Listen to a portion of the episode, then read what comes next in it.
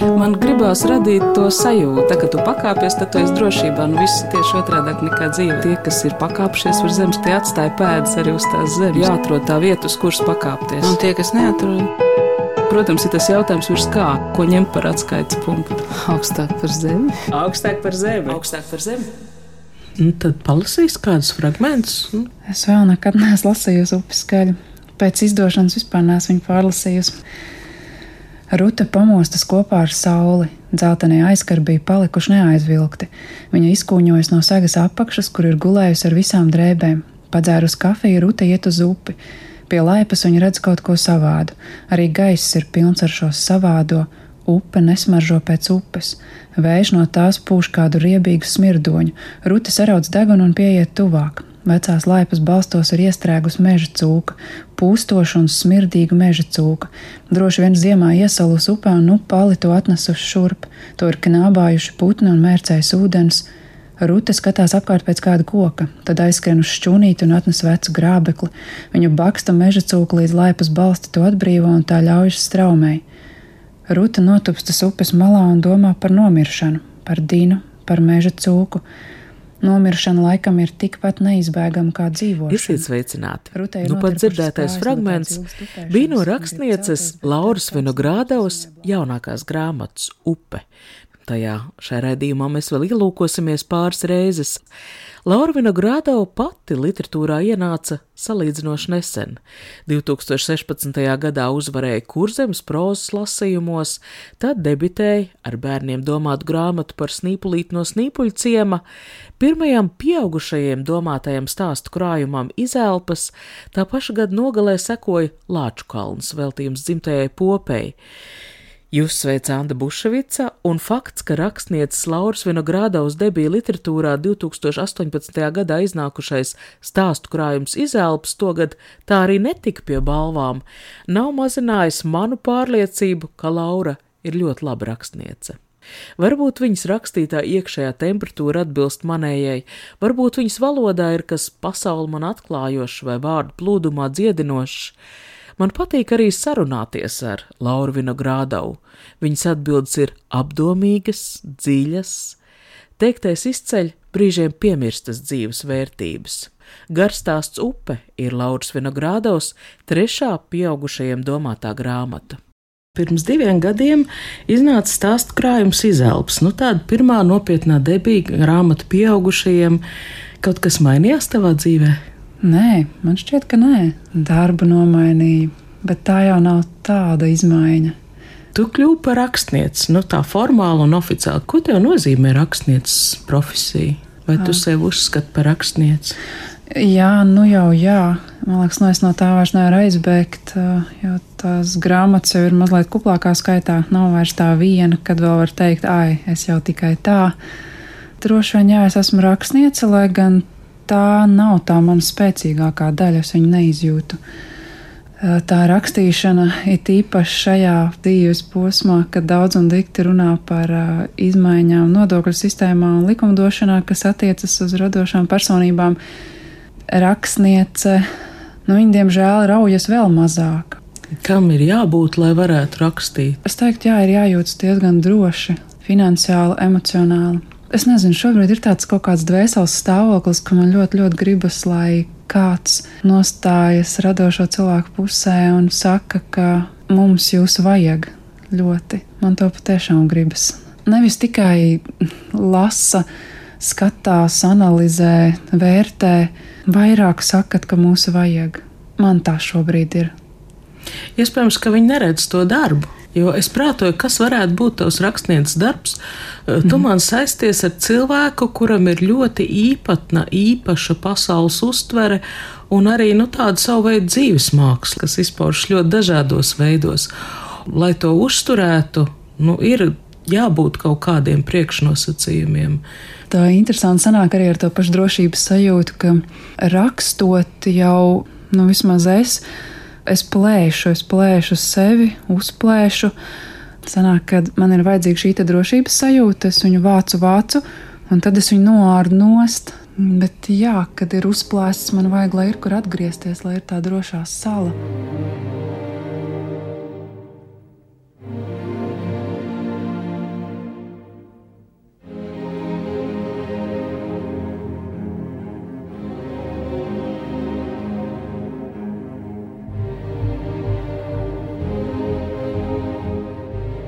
Zini, man šķiet, ka arī tavā garstāstā upe ir kaut kas tāds pašdziedinošs.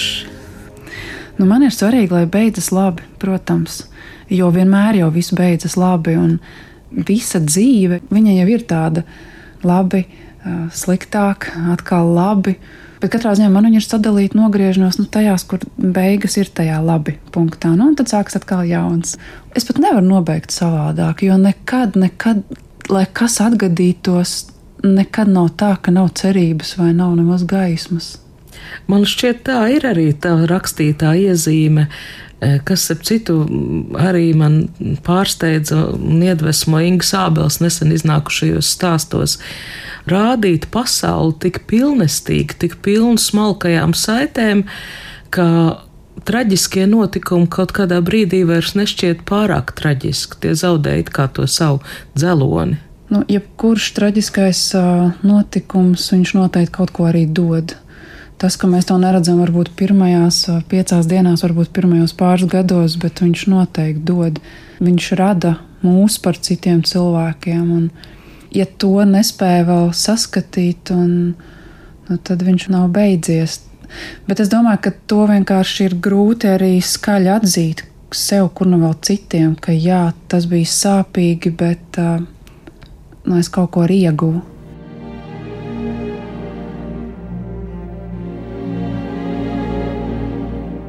Viņš noliek grozus, bet prom neiet. Viņam gribas vēl palikt Rūtas tuvumā. Rūta ieiet mājā, un Kristofs viņai līdzi. Ruta ielēja bļodā ūdeni un mazgā rokas. Tad ielēja tīru ūdeni arī Kristofam. Kristofs slauka rokas dvielī un jūt tajā arī rutes rokas, lai gan viņa jau sen notupusies pie plīts un plēš iekuram skaliņus. Ruta drudžaini domā, kāpēc Kristofs neiet mājā, ko viņš grib. Es paēdīšu kopā ar tevi, lielais milzis saka, un Rute atkal pamāja. Rutei gan nekā daudz ēdama mājās nav. Neko nesakot, viņa sāk mizot kartupeļus, paceps kopā ar desu. Kristofs iegājis istabā, stāv pie grāmatu plaukta un šķirsta kādu grāmatu. Viņš tiem lasīja priekšā. Kristofs pēkšņi ierunājās. Kas? Ruti no virtuves jautā. Jūle. Viņš teica, ja grib te palikt, tad nāksies klausīties. Un viņi klausījās, pat iegrimuši dziļā dzērāja miegā mistiski dzirdēja. Ruta klusē, viņa neprot runāt par šo jūli, kurš ir viņas tēvs, negrib runāt. Viņa sarauc pieri un sabīdot kartupeļus vienā panas malā uzmet uz tās arī desas šķēles. Ēdiens ir gatavs, ruts saliek to šķīvjos un abi apsēžas pie virtuves galda. Kristofs saņem savā milzīgajā plaukstā dakšiņu un sāk ēst. Lai gan Ruta teiktu, sāk rīt, ņem kumos pēc kumos un met sev mutē, ātrāk un ātrāk, kniep cepto desu un arī to met mutē. Bet tad Ruta uzliek savu roku uz viņa rokas. Dakšiņa apstājas un Kristofs izbrīnīti pavērs viņā. Ruta lēni izņem dakšiņu viņam no rokas, paņem uz tās kartupeļus un lēni ceļ pie Kristofa mutes. Viņš mulsi skatās te uz dakšiņu, te uz ruti, bet mute paver. Ruta lēni liek kartupeļus viņam mutē un tad tikpat lēni ņem desu. Kristofa bārdā iepilda desas tauki, viņš ļauj rutei tos noslaucīt, lēni. Ruta pēkšņi grib, lai milzis nesteidzas, lai gan viņa pati nemaz īsti nezina, ko grib. Lēni kustas dakšiņa viņas rokā, lēni kustas Kristofa mute, Rute baro viņu un iebaro pilnu ar sevi, baro lēnāk ne tā, kā mēdz barot mazus bērnus, stiep mirkli garāku un garāku. Kāpēc tā upe? Upe ir dzīva. Upe ir dažāda, upe ir ar tādu savu teikšanu, vairāk ar tādu savu ritējumu. Nu, upe ir tāda dzīve, tāds ceļš.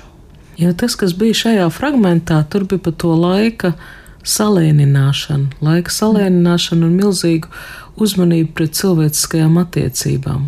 Man pieredze bieži vien aizbraucot uz laukiem, tev elementāri, nu, tu tiec it kā izcelts no tās vidas, kur tu steidzies, un reizēm ir tie kopā būšanas mirkļi ļoti saldi ģimenē ar tuviem cilvēkiem, jo, nu, tu esi it kā izcelts no tās rūpju zonas.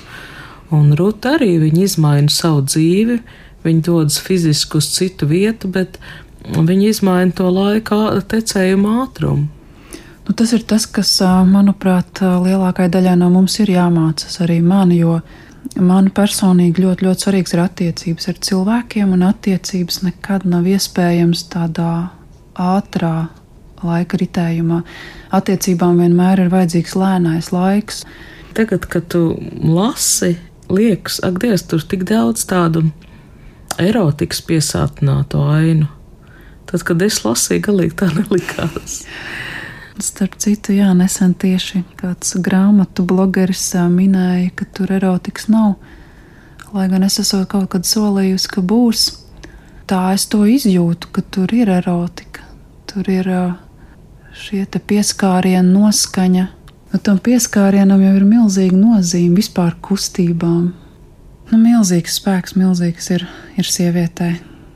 Gan augšup ceļošs, gan uh, graujošs, postošs Bet, manuprāt, tas, ko es upē esmu mēģinājusi arī pateikt par vīriešiem, ir tas, ka gan Stefans, gan Kristofs ir ļoti, ļoti jūtīgi vīrieši. Un tas, cik viņi savā jūtīgumā ir stipri, jā. man liekas, katrs vīrietis, kurš spēj raudāt, ir ļoti stiprs.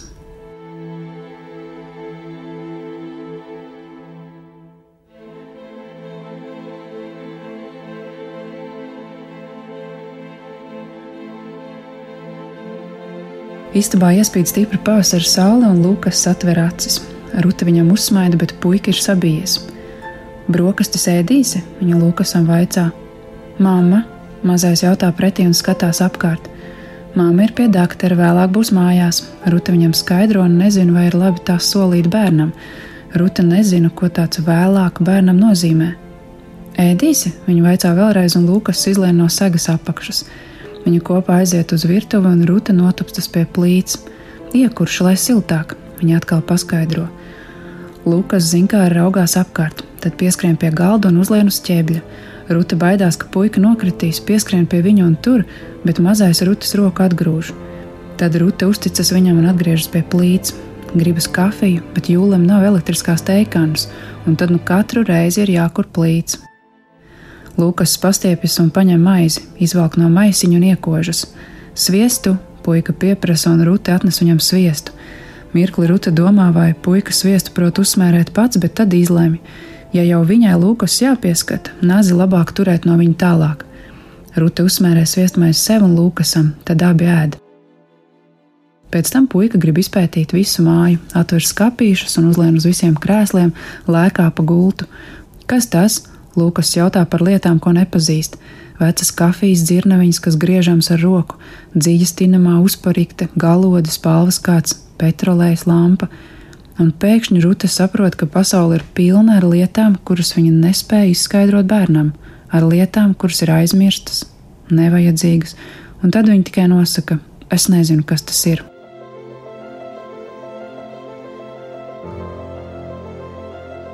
Attiecības ar bērnu vēl viena tēma šai stāstā. Cik daudz tās var mācīt? Bērni jau vispār nāk mūs mācīdami. Man šķiet, vismaz mani noteikti. Ir tikai jāļauj viņiem to darīt. Bērni uzdod jautājumus, un man liekas, ja ir jautājums, nu, tad ir gan jādomā par atbildi. Tad mēs paši redzam, cik daudz mēs zinām, cik daudz mēs protam, vai mums ir šīs atbildes. Un Un tad ir atkal ir gana drosmīgi sev jāatzīstas, ka es nezinu, ka es neesmu par to domājusi. Kad tu raksti bērniem, ko tu gribi viņiem izstāstīt, ar ko tu gribi būt, nu, šai situācijā viņam interesanti, viņam noderīga. Nu, ka pasaule ir nu, varena, feina vieta, kur dzīvot. Man liekas, tas ir tas būtiskākais. Kopš izelpām stāstu krājuma pieaugušajiem ir iznākušas divas grāmatas bērniem. Kā atšķirās šīs divas jomas, tas, kā tu raksti pieaugušajiem, kā tu raksti bērniem? Um, Meža pasakas, uh, es biju uzrakstījusi jau pirms izelpām, man šķiet, tādā laika ziņā uh, skatās, nu nevis izdoto grāmatu tādā secībā, bet kā kas ir radies. Un tad es kādu laiku biju nobriedusi bērniem vairs nerakstīt, uh, bet nu pat, nu pat es radīju adventus stāstus bērniem, 24 burvīgus tādus ziemas stāstus. Kaut kā es tagad eh, adventas stāstos mēģināju arī runāt bērniem par tādām tēmām, kas man ir aktuālas par piesārņotu mežu, ko tas dara dzīvniekiem. Ebes ziemas stāsti, tā sauc šo grāmatu. To rada viena privāta aģentūra. Es zinu, ka var jau nopirkt eh, gan viņu mājaslapā, stropsdesign.com, ir veikalā mazā cilts tērpats ielā, un es manīju vēl kaut kur. Tas rakstīšanas brīdis man pašai bija ļoti, ļoti interesants, jo es pirmo reizi rakstīju, nu tā, ka man palūdz vai nevar uzrakstīt. Un šie ziemas stāsti tapa vasarā. Tiešām burtiski bija tā, ka uz galda bija mējas, bet es klausījos Ziemassvētku mūziku, lai dabūtu to sajūtu, jo nevar jāņos atcerēties, kā ir tad, kad ir Ziemassvētki. Un arī to nosalušo sajūtu. Es tajā vasarā es skaidri zinu, man viņš, piemēram, ir nosalis, bet es neatceros, kā tas ir nosalis. Nu, kas, nu, drebu trīcu, bet iekšā es neatceros to sajūtu. Un, Un, un tad es domāju, nu, cik fantastiski, ka mums uh, ir šie gada laiki, mēs jau paspējam aizmirst kaut kādu tādu izjūtu. Un tas tā pilnīgi traki likās, ka pa vienai auss iekšā, pa otru ārā tas, ko mēs jūtam.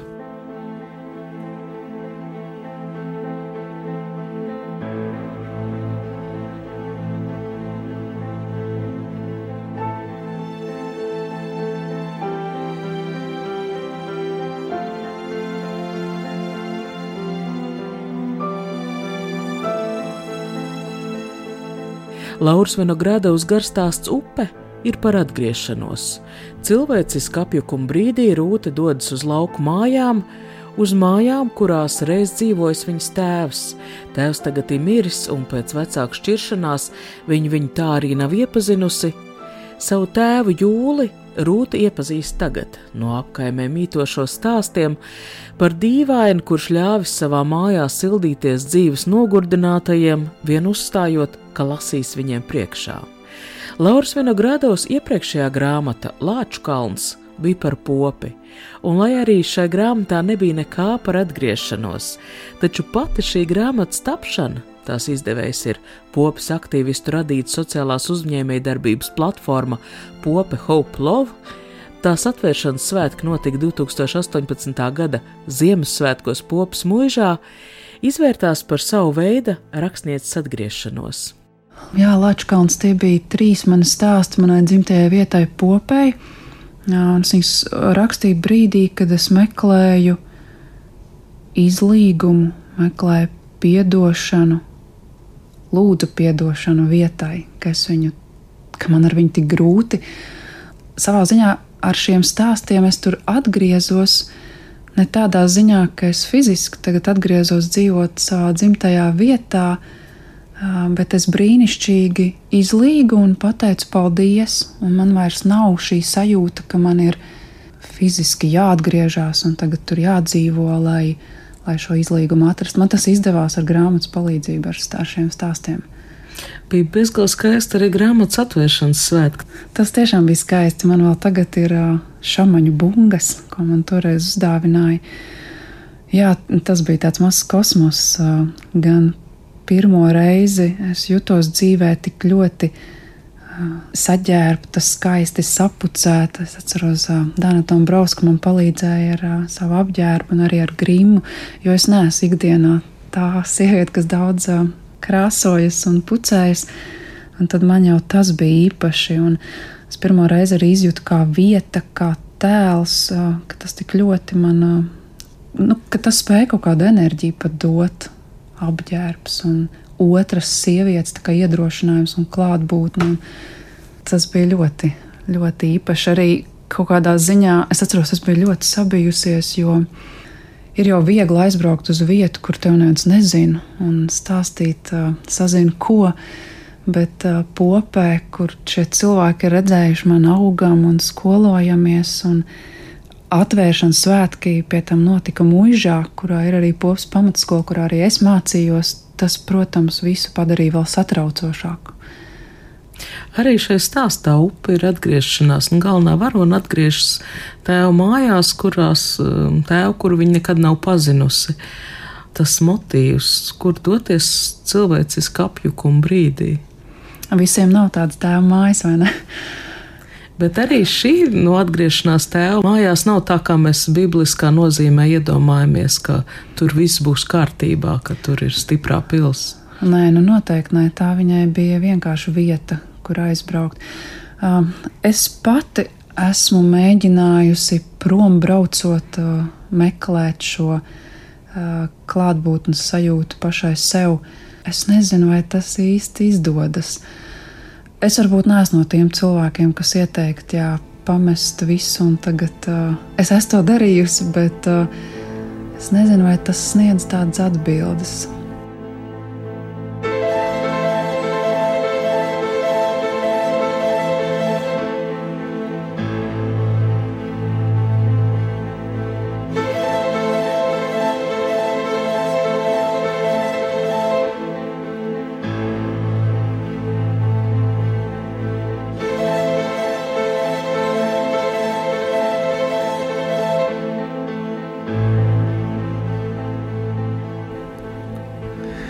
Atradu tieši par rakstnieci.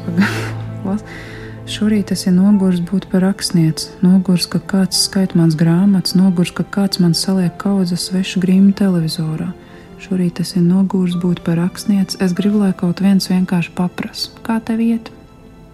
Šito vai sameklēt kādu citu? Tas nebija tāmnieku, bija? Redz, man neskan, man reāli neskan, man nav tas lauzītais.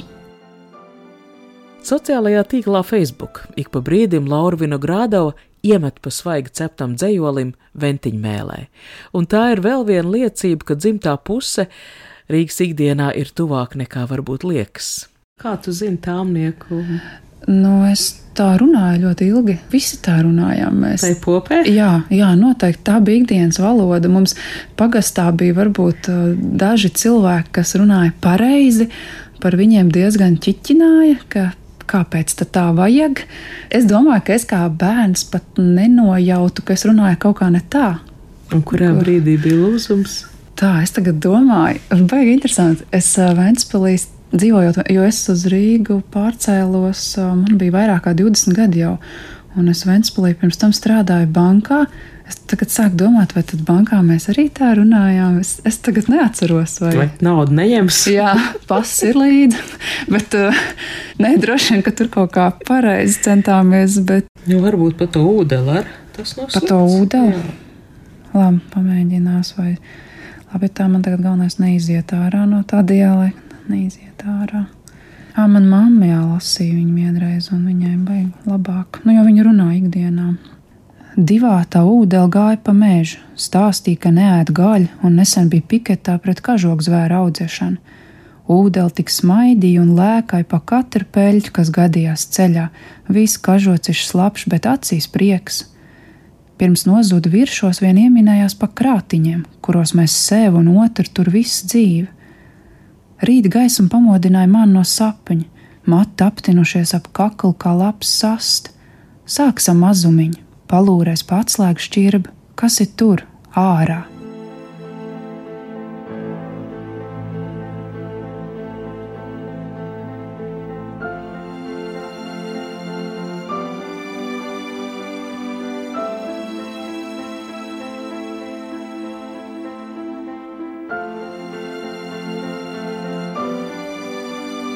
Tu brīnišķīgi lasi priekšā, un pārsteidzoši, ka tev arī patīk lasīt priekšā.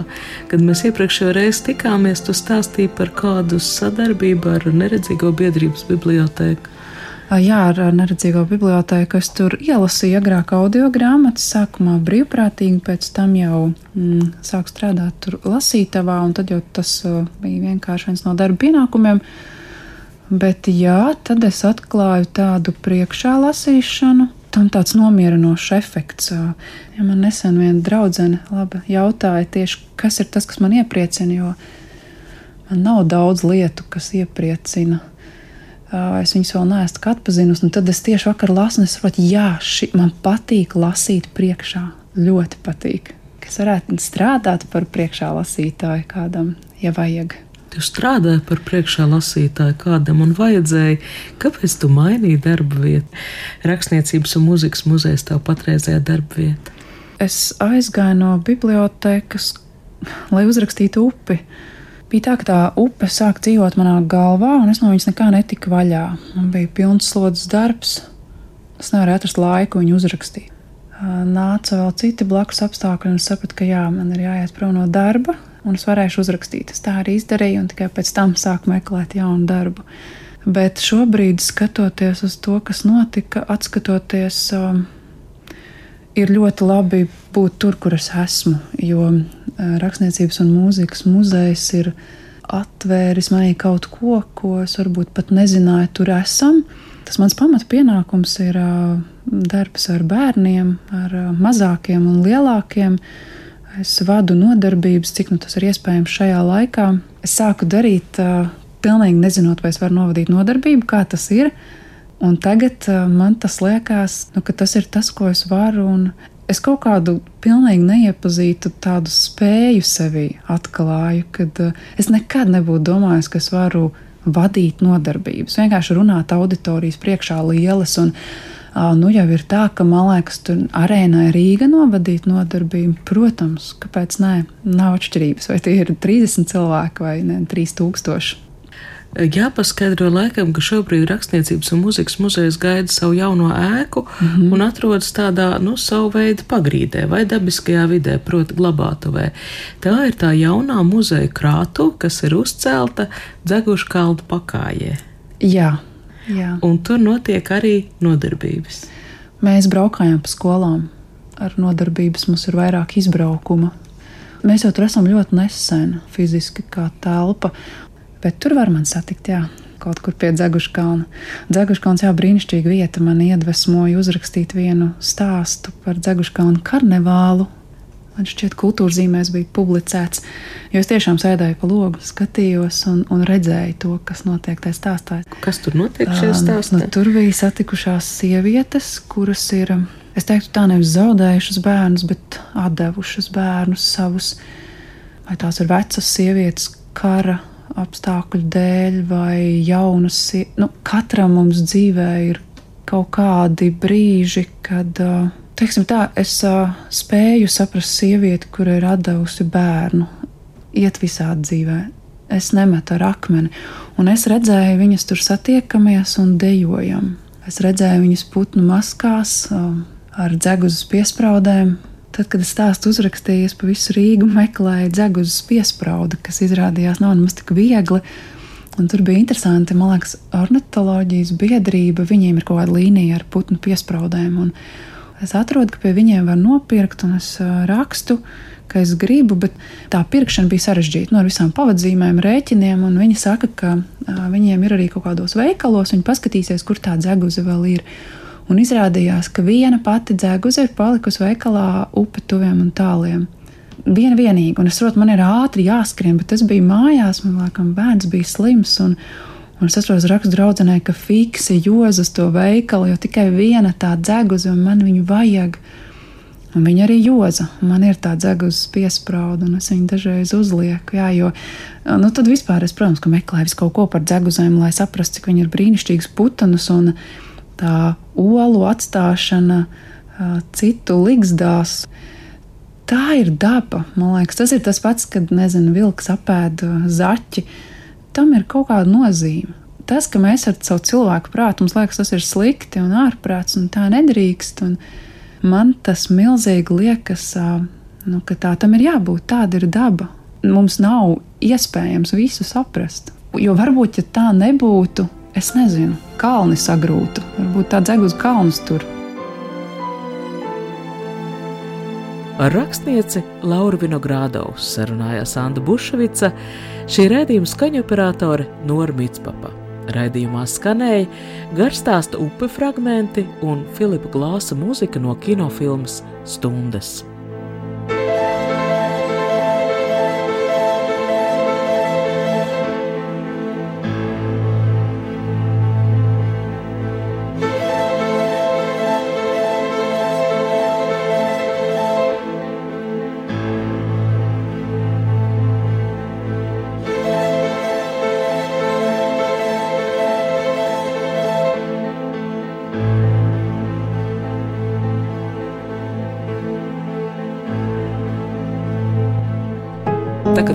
Pakāpies, tad tu esi drošībā. Nu, viss ir tieši otrādi nekā dzīve. Tas ir tā spēle, jā. Tie, kas ir pakāpšies virs zemes, tie atstāja pēdas arī uz tās zemes. Protams, ir tas jautājums, ko ņemt par atskaites punktu. Nē, nu, principā ir skaidrs, augstāk par zemi. Jāatrod tā vieta, uz kuras pakāpties. Augstāk par zemi. Augstāk par zemi. Augstāk par zemi.